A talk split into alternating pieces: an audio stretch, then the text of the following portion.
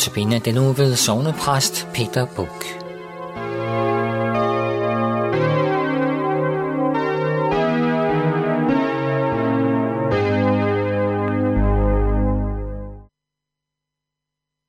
Ja, efter pinse, så har jeg valgt at tage nogle, øh, øh, altså ligesom tage afsat i trosbekendelsen, fordi vi øh, nu har været igennem de tre store højtider, jul, påske og pinse, og, øh, og det er et hovedord inden for vores trosbekendelse.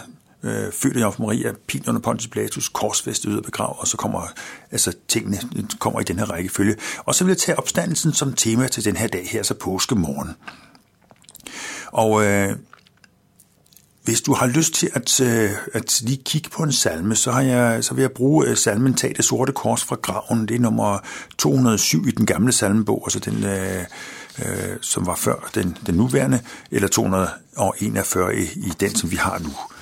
Øh, og hvor vi hører om, om, øh, om, øh, om, om øh, Maria Magdalene ude ved graven. Men vi starter med Markus. Markus han fortæller om Jesu opstandelse, at øh, der er tre kvinder, der går ud til graven for at, øh, at øh, i virkeligheden bare forholde begravelse. Altså, det de gør, det er det, som, som man gjorde i en jødisk tradition. men øh, man sørgede for velduftende urter og sådan nogle ting. Altså, det er meget anderledes end, end den danske begravelsestradition, øh, hvor, hvor man er så begravet i en klippehule.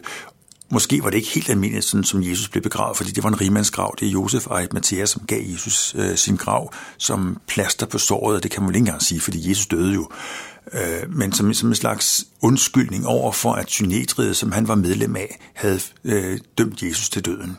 Så Jesus får altså en, øh, en, en død som en øh, gemen forbryder, og en begravelse som en statsmand, noget i den retning. Det er altså en underlig fortælling. Men altså, den grav, som ikke havde været brugt af nogen nu, Josefs egen grav, den bliver så brugt af Jesus til, eller brugt, øh, øh, givet til Jesus, så han kunne blive begravet der. Og øh, Jesus dør øh, lang fredag, og fredag aften, øh, øh, der starter sabbaten klokken 6, og så må man ikke gøre noget mere. Så kvinderne skynder sig hjem, og alle sammen skynder sig hjem efter begravelsen, og så kan man ikke gøre noget i lørdagen, men søndag morgen kommer de ud så tidligt de overhovedet kan til graven. Og der er det, Markus fortæller om, at, at de kommer ud til graven for at salve Jesus, altså for at holde begravelse. Vi kommer med blomster, de kommer med, med velduftende salver. Og meget tidligt om morgenen øh, er de derhen, og de siger, hvem skal vi få til at vælte stenen fra indgangen til graven? Og her igen kan vi jo bemærke, at det er jo helt anderledes end vores måde at begrave på. Vi har en grav, hvor vi putter ned i jorden.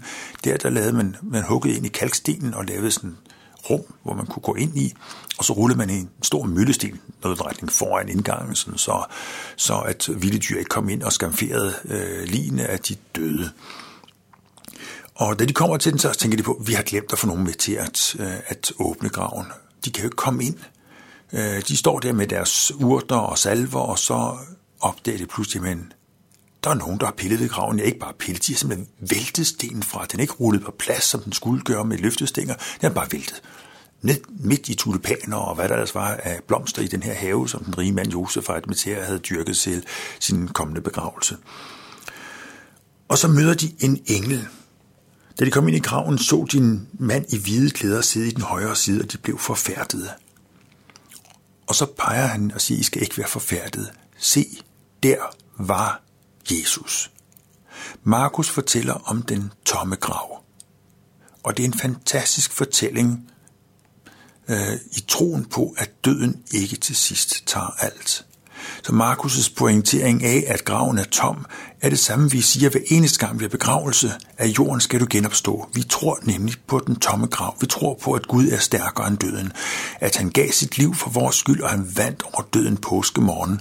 Vi tror på den tomme grav. Vi tror ikke på fortabelsen, på at mennesket bare lever et godt liv, øh, kort eller længere tid, og måske nogen et mindre godt liv. Øh, men så dør vi, og så er der ikke mere at sige om det.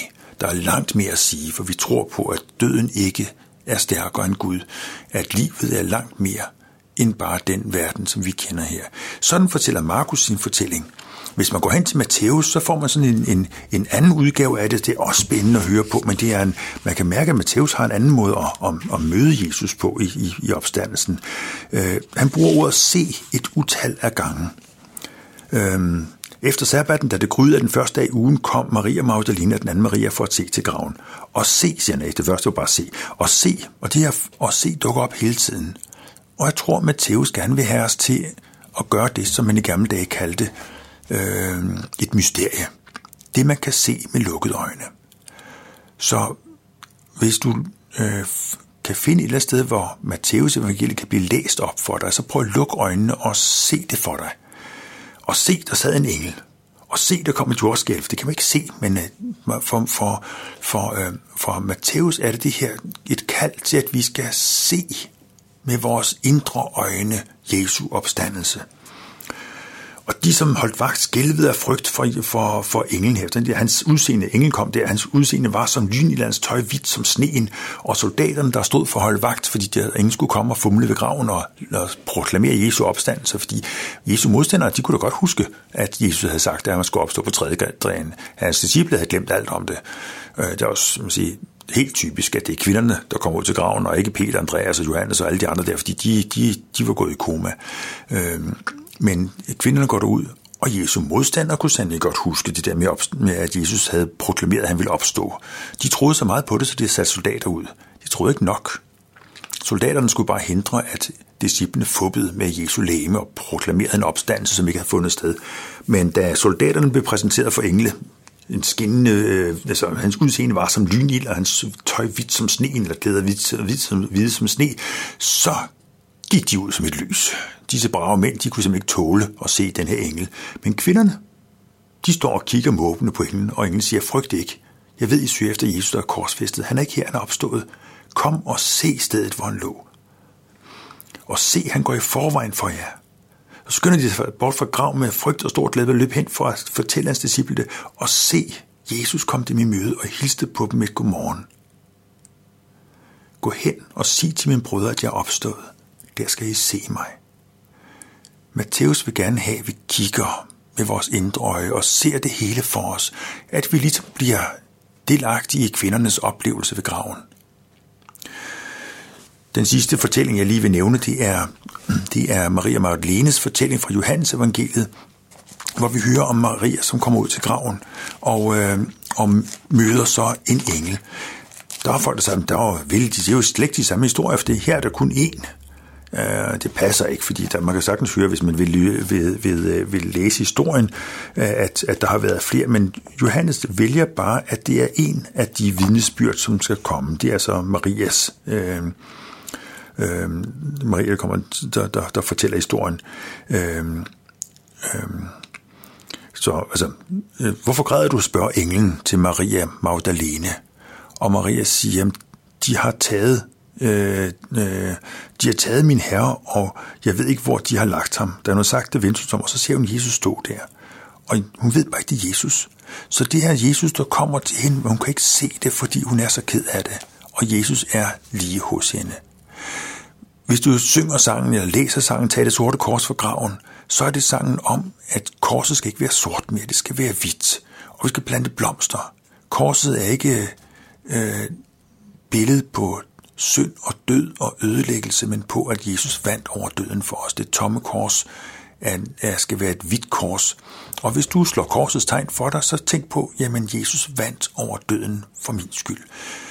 Syng sangen, tag det sorte kors fra graven, tag ind i paradisets have sammen med Maria Magdalene, som samtidig er Josef fra et grav, og nyd Jesu opstandelse. Se det for dig.